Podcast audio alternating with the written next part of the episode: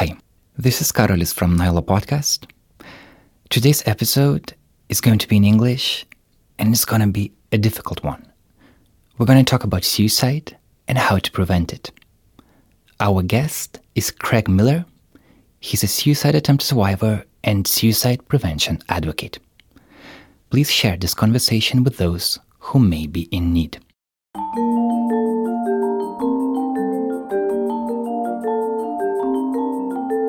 In suicide prevention, we have to ask people outright if, if you are suicidal, do you want to die? But very, very rarely do we ever ask, do you want to live? And it's a very, very different question. Even though it's declining, Lithuania still has the highest suicide rate in the world. Each year, we lose almost 1,000 people who take their own lives. And yet, it's still very hard to talk about it openly. Craig Miller was 20 when he attempted suicide. After three days in hospital, he was saved, but for years, he was silent about it. He felt ashamed and alone. Eventually, Craig found the community of other survivors. He realized that he needs to tell his story so that other people with similar thoughts would feel less alone. In 2012, he self published a memoir called This Is How It Feels and started to talk in public. I've become so comfortable with talking about it that I sometimes forget that other people aren't. Greg is an American from Massachusetts. US Embassy in Lithuania invited him to visit different cities and towns in Lithuania. Together with organization Jaunimo Linija, they were screening the film called S Word. It's a documentary about suicide attempt survivors. Craig is one of the people featured in it. Speaking the word suicide is not the problem, the creators of S Word say. It's the silence that often surrounds it.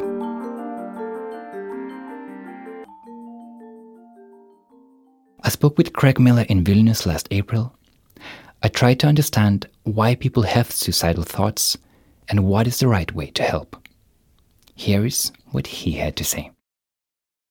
I didn't come forward with my entire story for a long time, probably about 12 years after I had attempted and um, gone through everything. And I was home with a back surgery, had surgery on my spine, and I was out of work for like three months. And I'm like, you know what? I'm gonna I'm gonna write a book because I have three months to lay in bed, and I'm gonna write it about my story. And my intention was just to leave it to my kids. Like I would write a story about my life, the things I've learned, and I'll leave it for my kids to read when they get older. And this is what I've learned from life. I hope it helps you. When I finished, I let a few friends read it, and they they were like, you know, these this is you you have to get this out there. People need to read this. So I chose to self-publish it. I didn't go through a publishing company or anything. I just did it on my own it almost immediately started to get traction and people were writing about it and it, got, it was selling a lot and i wasn't expecting that. So i was kind of like oh I, I, have some responsibility in this i guess. I, I hope i did it right spoke about it right you know? Um, and so i brought it to the department of public health in massachusetts where i'm from and they reviewed it and said uh, I asked them if they could look at it and tell me if anything was wrong or if I should change anything, and, and they liked it, and they invited me to speak at their conference. It was 500 people. It was the first time I ever spoke in front of people about this. How did you feel? I was I was nervous, but not nervous to speak in front of people. I was nervous that I was going to do it the right way. I wanted to make sure that what I said was going to be taken well and I was given the right value because the fact is everybody has a story, right? Everybody has some kind of past. Everyone's got something, and a lot of us have been through really difficult things in life, and we can all tell that story. But where the real value comes in is finding what you've learned from those things and how you can pass that on to other people and how you can tell your story in a way that lets other people make it their story and then they can find lessons in it and apply it to themselves. I think that's more important than anything. And that's what my biggest concern was. That's why I was so nervous. Am I going to tell this in a way that people will be able to make it their own? And now you've been doing this for quite a while, just going different places and meeting people who are interested in the topic of suicide prevention. I guess you told your story a lot of times already. Why Yeah. do you why do you think it's important to do that? The number one reason to tell my story, I think, is that I'm making other people become comfortable with thinking about their own issues and talking about things like suicide. I think one of the biggest contributing factors to people considering suicide or attempting suicide is the silence that surrounds it. You don't talk about it.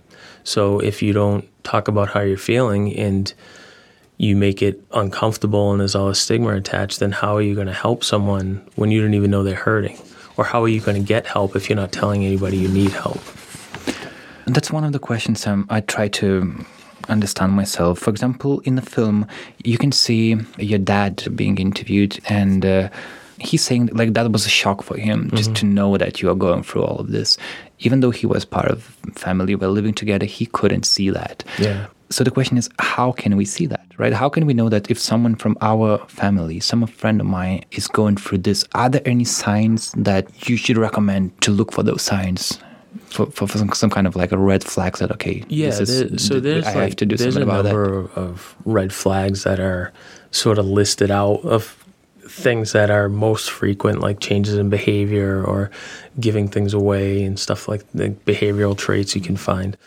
Um, for me, though, it was more that withdrawal. It- It's just a big shift in behavior in most cases.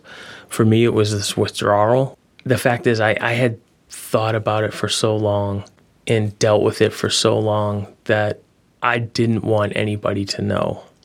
And I worked really hard at not sharing those feelings, which was the worst thing I could have done. Because I thought at the time, I, I really believed at the time that life wasn't for me. That was it. I wasn't supposed to be alive, and this isn't my my world. I don't want to be part of it, and I'm done. And I didn't want anybody to stop me. And that was a.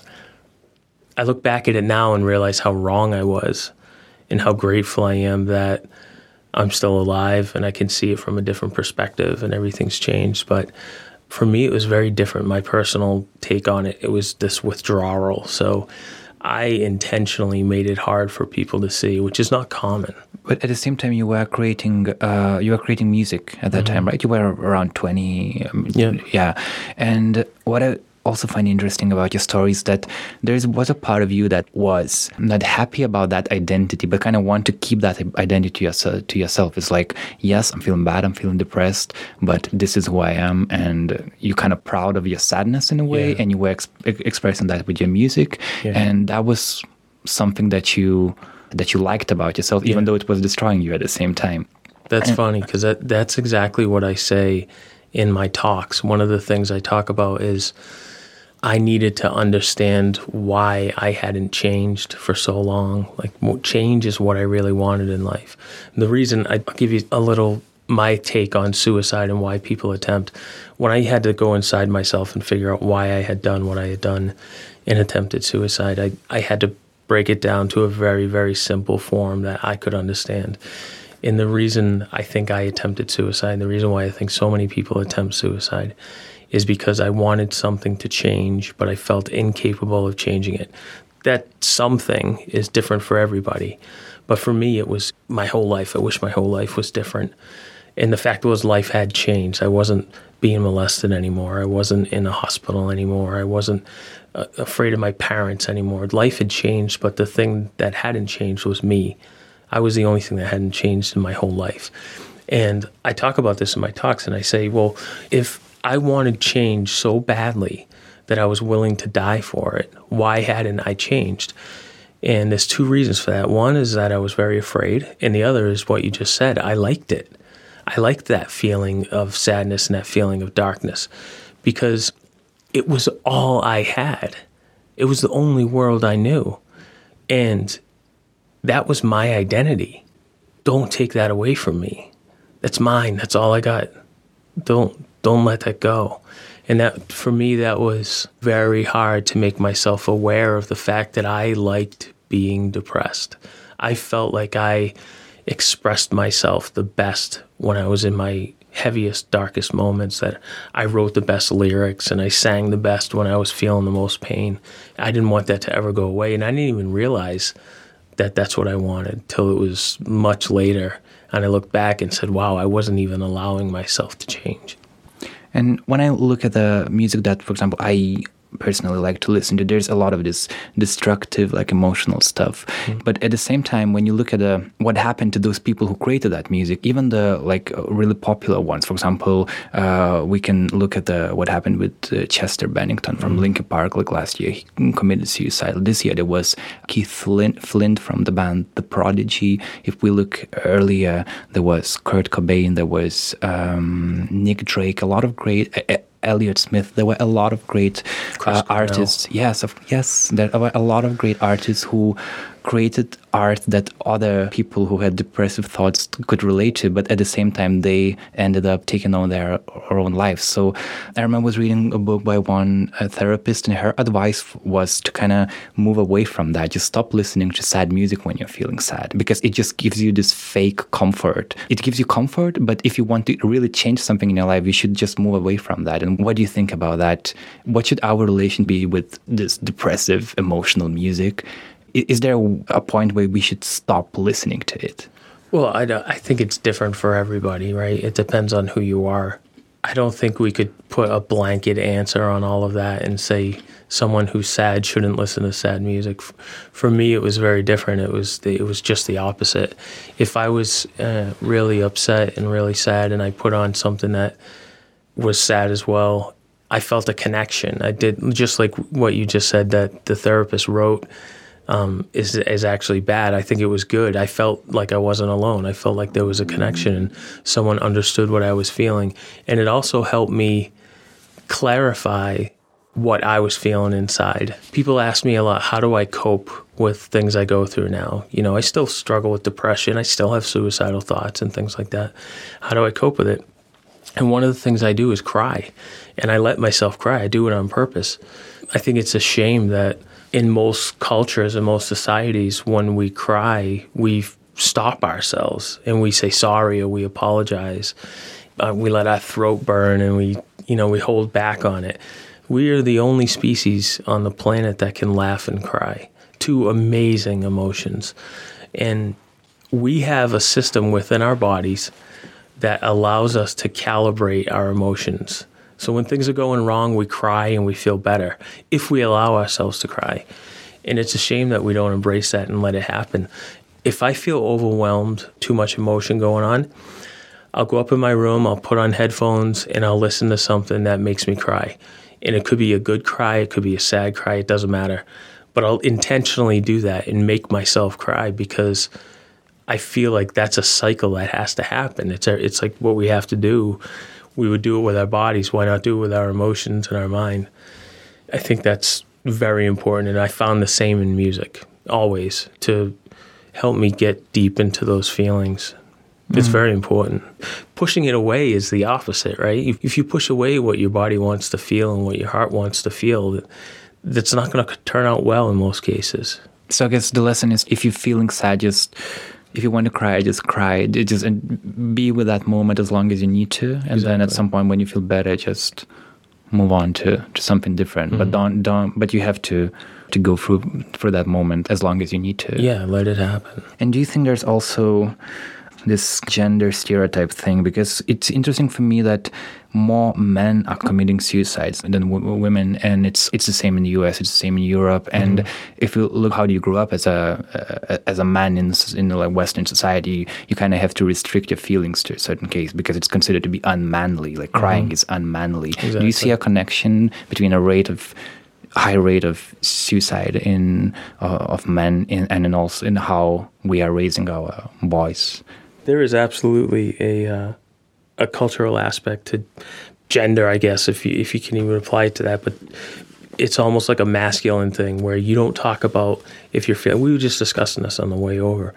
There's regions in the United States where there's very high rates of suicide, and it's tied. They believe it's tied to the culture of men in that area with sort of this cowboy attitude that um, you be tough about it and you, you don't talk about it and you don't cry. And if someone does die by suicide, the people who are left actually have this attitude where they say, well, good for him. He went out in, on his own terms. He went out on his own way, and that, which is horrible. You know, I mean, that's that's not the way it should be at all. And, and we'd probably save a lot more lives if we could speak about it more freely. But I hope that by me talking about it and other people like me, there's a lot of other men who've attempted suicide and been through sexual abuse and things that I've been through.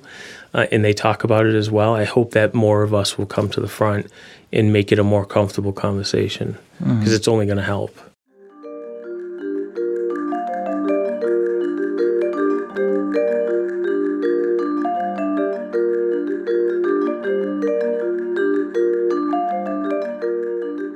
One of the ways for people to cope with their station is to find someone else who can be together with them. It can be either a partner or a, a dog, for example, mm-hmm. or just a community, someone, someone that you won't feel alone. But at the same time, when you have depressive thoughts, you really don't want to be with anyone else because you think that you are just a burden to those people. And for example, there was one uh, woman in the film who said that for her, having children gave her a purpose of, mm-hmm. of life.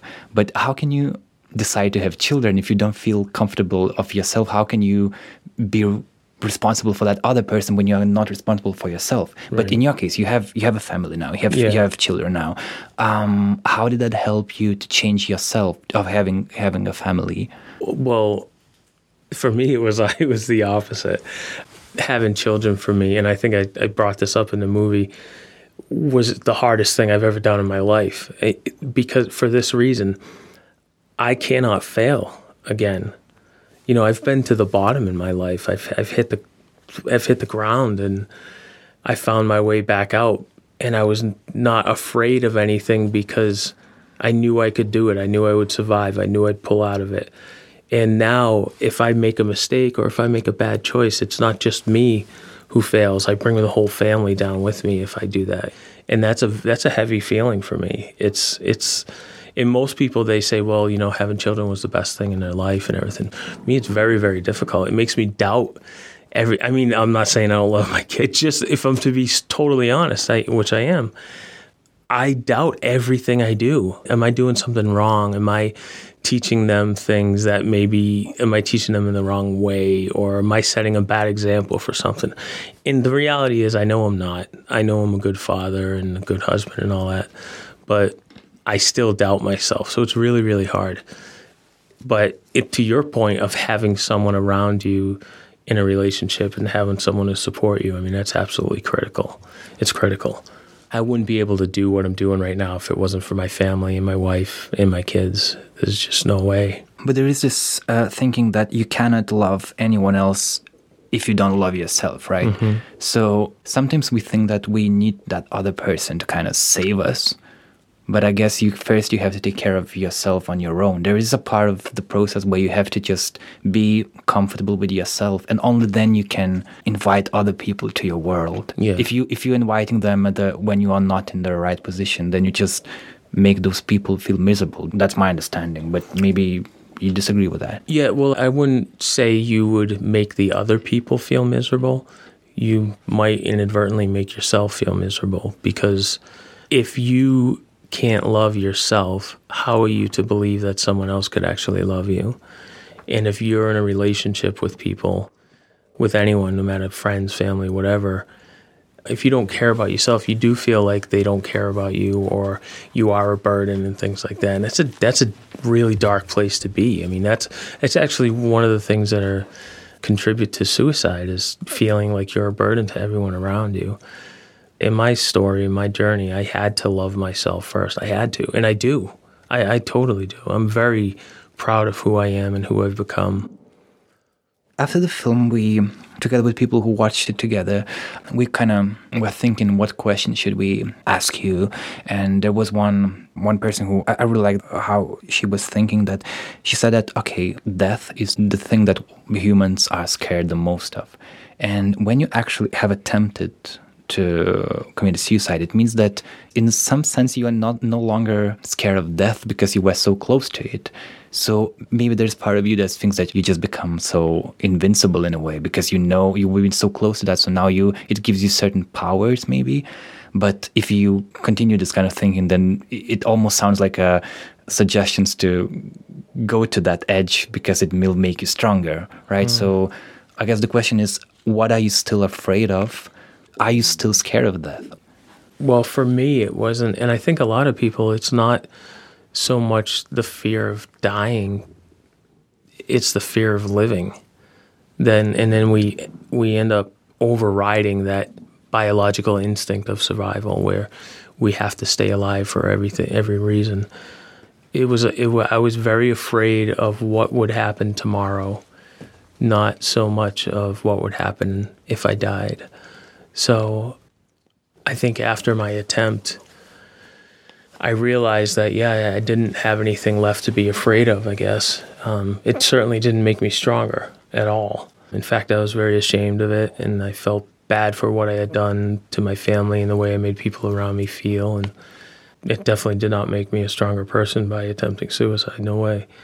It was a lot to overcome after that. And I think the strength came in overpowering the fear to live. Mm. That's where that's where my strength came in. I remember here the quote from Stacey Freedenthal. She's the author of a book helping the suicidal person. And recently she tweeted People in suicide prevention say suicide is not a solution because it prematurely ends lives and damage others. But suicidal people do see it as a solution. Denying this doesn't help. Instead, we need to learn what problems it would solve for them and help them find other solutions. I found this really interesting that the, the lesson for us, as I remember how I was told to talk with people who are, have suicidal thoughts, is just say that this is not a solution. But for those people, it feels like a solution. Yeah. Right. So how can you overcome that? How to help the other person in the right way? Because you're seeing just don't think about it. It's not a solution. Yeah. Right. And and that person thinks that is a solution. That doesn't really helping. Right. What what she's doing, uh, I think this is awesome. Is, is she's calling she's calling it like it is and being very very honest. That's what we have to do we have to talk open and honest about it. And that's what she's doing. In a suicidal state of mind, you really believe that what you're doing is right. You think that that's the way it, it should be. And to understand that, if we're going to really speak to people who are suicidal and be able to connect with them and touch them and influence them to go another direction, we have to really understand where they are and relate to that. Getting involved in that is really the only way we're going to help to know that okay you believe that this is the right thing to do so we're going to work with that. Why do you believe it's the right thing to do? What is in your way? I, th- I think I, I don't know if i talk about this in the movie but one of the things I, I say a lot is in suicide prevention we have to ask people outright if if you are suicidal do you want to die but very very rarely do we ever ask do you want to live and it's a very very different question saying, you know, no, I don't want to die doesn't mean you want to live.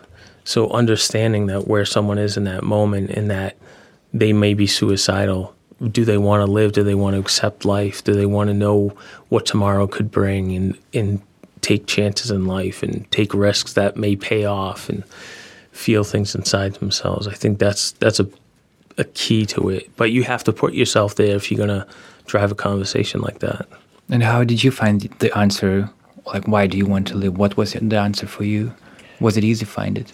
It was not easy to find it because I thought for myself, I thought for myself the reason I um, would want to live would be like, oh, financial security or family and have good relationships and, and all this stuff. And that really wasn't what I wanted at all.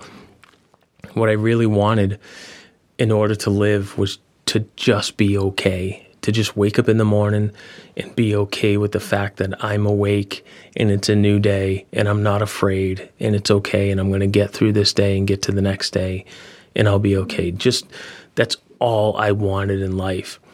And realizing that that's all I wanted let me see that I was at the lowest point I was ever going to go. I didn't I didn't want you know, my friends were going off to college and they were looking at getting married and all that stuff. I didn't want any of that. I just wanted to be okay. I wanted to wake up and take a breath and be okay with the fact that I had the ability to breathe, and I wasn't so afraid of what could come next.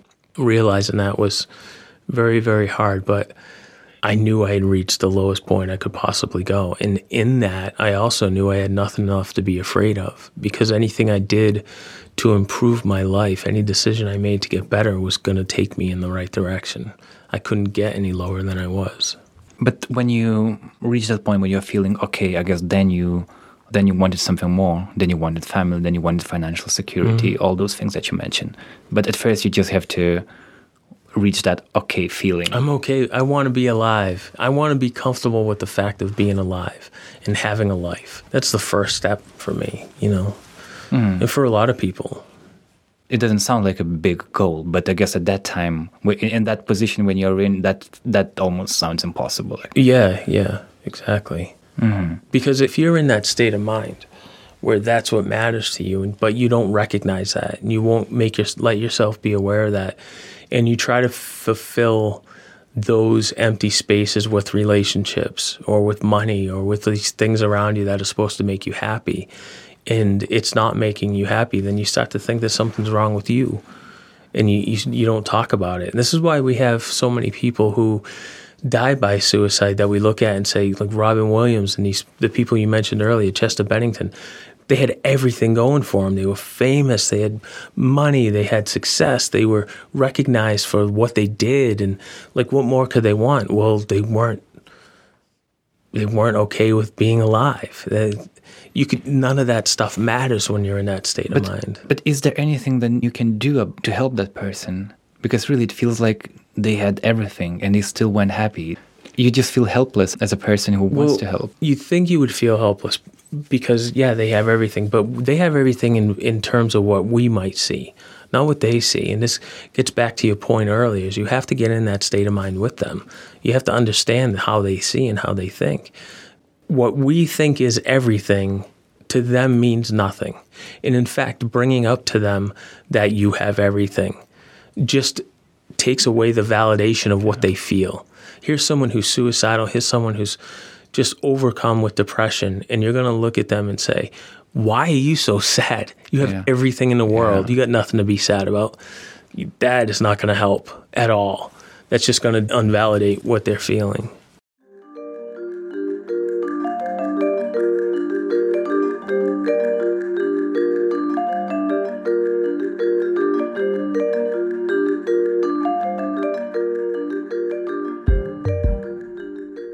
I'm also interested in your thoughts about therapy because you went to a therapist when you were a teenager, and you and that was one of the most devastating memories that you had. Mm-hmm. Do you have different thoughts about therapy now? Can therapy help? Yeah, I definitely think so. There, there was, I had two significant moments in therapy. One was the first time I went to therapy, and um, the doctor that I had met with didn't. He really didn't care at all about what I was what I was going through, and he he didn't take a moment to be personal with me or get to know me or anything. And the reason I talk about that so much is because that was my introduction to the world of psychology. This is the one place that I was told was going to help me. That if I go to a therapist and I go on medication, I go to um, counselors and I get this therapy, that I'll feel better. And my first impression of it was horrible. They didn't care about me at all. I wasn't even a person to them. But then on the flip side, I had a therapist who spent his first hour with me talk. I had a rock T-shirt on, some band I don't remember, um, and he started talking to me about the band, and we spent an hour telling stories about life. He didn't ask me about my condition. He didn't ask me about depression. He didn't talk to me about suicide. He just talked to me as a person, and I actually wrote about him in my book about the huge influence he had on me. Mm. So therapy can be very, very good if done right. Mm, but it, but it takes time. It takes time, and you also have to know as a patient that just because someone says they're a therapist and someone has a certificate that says they're a therapist or a diploma or a, or a degree, yeah. it doesn't mean that they're the answer for you. Yeah. It's like dating, right? I mean, you have to keep going until you find someone that works. I've had different doctors that I've gone to and counselors met with them and in the first meeting I this isn't going to work at all. I'm Yeah. not going to be able to talk to this person. There's no way. So I just don't go. But so you have to take that responsibility on yourself as a patient and know that you need to find something that works for you um, and at the same time um, know that not everybody is going to give you what you need. And you also openly talk about the abuse that you experienced when you were a child. And I guess one can make a presumption that all your mental problems started from th- that experience. Maybe because there is a connection that if you were abused as a child, it affects your life definitely. How do you see that? Do you do you think that it's a main connection of what you experience now as an adult because of what happened to you then, or you can also have suicidal thoughts without experiencing something like as, as, as abuse as a child. Yeah, you, you certainly can have suicidal thoughts from, from anything. You can have suicidal thoughts without any negativity in your life, right? I mean, it's it's becomes just chemical at some point. But um, I think the abuse definitely contributed to me being suicidal because I didn't talk about it for so long. I mean, people in my family didn't know I was abused till I wrote my book in my 30s. Okay. You know, I just did. I never told anyone, so it was a big deal for me to come out with that. I'm trying to cope with this thing myself and going through all the emotions that I had with it, and that's it's a dangerous place to be on your own and not trying to get help for that. You know, so it definitely it contributed to my suicidality. And going to the end, I guess the question that it's really important here in Lithuania is just how to start a conversation on suicide prevention and how to acknowledge the fact that it is happening. Because there is this paradox in society here that we're losing almost 1,000 people per year, even though it's it's it's not a big country. But if something like that happens in let's say in a small village, like in a family, people know that it happened, but there's no conversation about that. It's just that okay, let's just let's just forget about it. Let's just keep silent Yeah. about that um, because it's a big trauma, and I understand people who just don't want to go deep into that. But I guess that's the only solution, right? Just to go into this topic. Yeah, well, I mean, let's bring it to reality. Could you imagine if nobody talked about cancer? If we just said, no, we're not going to talk about that. We're not going to research it. We're not going to figure out about what's causing it. We're not going to try to solve it. We're not going to put resources on it. We're just going to ignore it. You imagine what would happen if we did that? And when we do that constantly with suicide, we, we look at the situations and people who are suffering every day and dying by suicide, and we don't talk about it at all. It's crazy.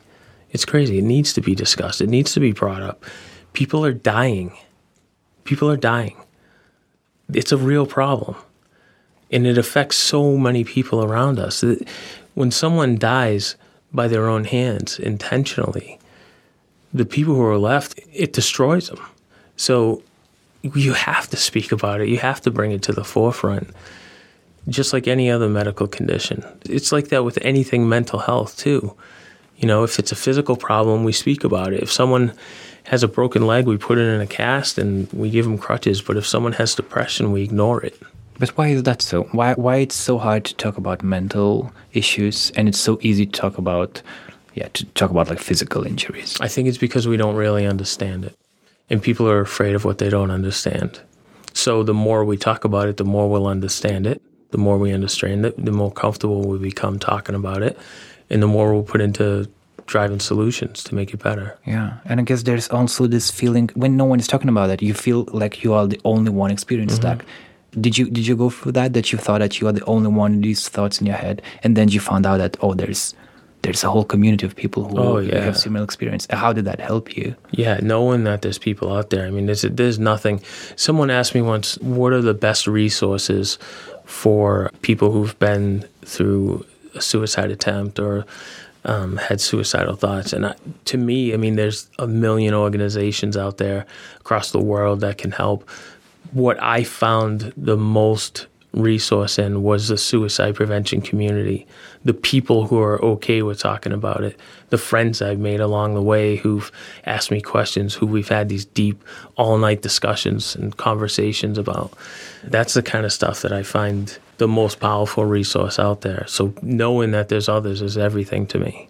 And Guess when you're feeling depressed, there's this thing that if you want to talk with other people about that, you feel kind of bad about even starting that conversation because you think that you are burden to those people and that they aren't really interested in, in hearing your thoughts. Just like you said about your experience with uh, certain therapists, that you thought that they are not interested in what you're saying. So how to overcome that? And yeah. uh, well, that's why to tie it back up, I think yeah. that that's what's so important about music is knowing that you when when you feel like you don't have anybody else and you're the only one and you listen to music that makes sense to you and you realize you're not alone and you have someone else with you or whatever it is. But if you know that art. in the end that person committed suicide, the, the person that you whose music you're listening to now, does it really help? Does it really help to listen to uh, Elliott Smith or to mm, uh, Soundgarden when you know how did they end up?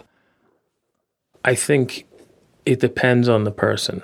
I'll be honest, I can't listen to Chester Bennington. I can't listen to Linkin Park anymore. Chris Cornell, I'm kind of a little bit on the fence. I mean, these are two two musicians that I loved, absolutely loved, and I was so disappointed and sad and heartbroken that these people who helped me through some of my darkest moments didn't make it. That's just devastating to me. So like Chester, I can't listen to. I just I just can't. It's too much. Um, but in that time, having someone express for me what I was unable to express myself was everything in the world. You know, like someone who could say what I felt was so important. That's what I think is to me. I mean, that's why I've always had a heart for music but someone who you know i think someone who doesn't feel that way about music might see it differently and might say that sad stuff is is worse for you. You know maybe you should play some circus music. The very last thing i want you to give to our listeners is so what would be your advice to what, what should we do when we see that a, a friend of ours is suffering? How can we help? So you I think the biggest thing is let them know you're there for them and listen to everything they say. Don't listen to solve their problems, listen to let them be heard. I think is the first step. Let them know that you're there and you're listening. And then secondly, I think is a big big point, not to make them feel bad for what they're feeling. Right? So a lot of I see this a lot. People tell someone who is suicidal like they might say, "Man, I'm so scared. I'm so wor- I'm so worried that you're going to take your own life." And like I don't I don't want to like I'm a, I'm sick about it. I'm nervous about it. I can't stop thinking about you. Reality is, you're just making that person feel a whole lot worse. Because when I'm suicidal, when I'm when I was suicidal, I already felt like I was a burden. I already felt like everything I had done was a mistake and made everyone around me feel worse and have a worse life because of me. And then if someone were to tell me that they were feeling bad because of if you make if you make someone feel bad about how they're feeling, I mean, if you tell someone that you feel worse because of how they're feeling, it just contributes to them. I don't want to know that my last thought, right, my last rational thought in my mind is to just end my own life, just to get it over with. I can't accept the fact that even in that state, even in my last thinking, I'm still hurting somebody. That's hard. So it's not about telling someone that you're scared for them. Let them know you love them, certainly, but don't make them feel worse about who they are, how they feel, because they can't help it in that moment. Thank you, Craig. Thank you. I'm really glad you came here to Lithuania. It really makes a difference. Thank you.